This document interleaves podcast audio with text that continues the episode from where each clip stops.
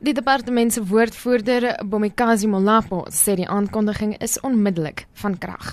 This is to try and clean out any corruption related issues at the branch because we want to have a situation where officials who are fully committed and dedicated to delivering on the mandate of the department.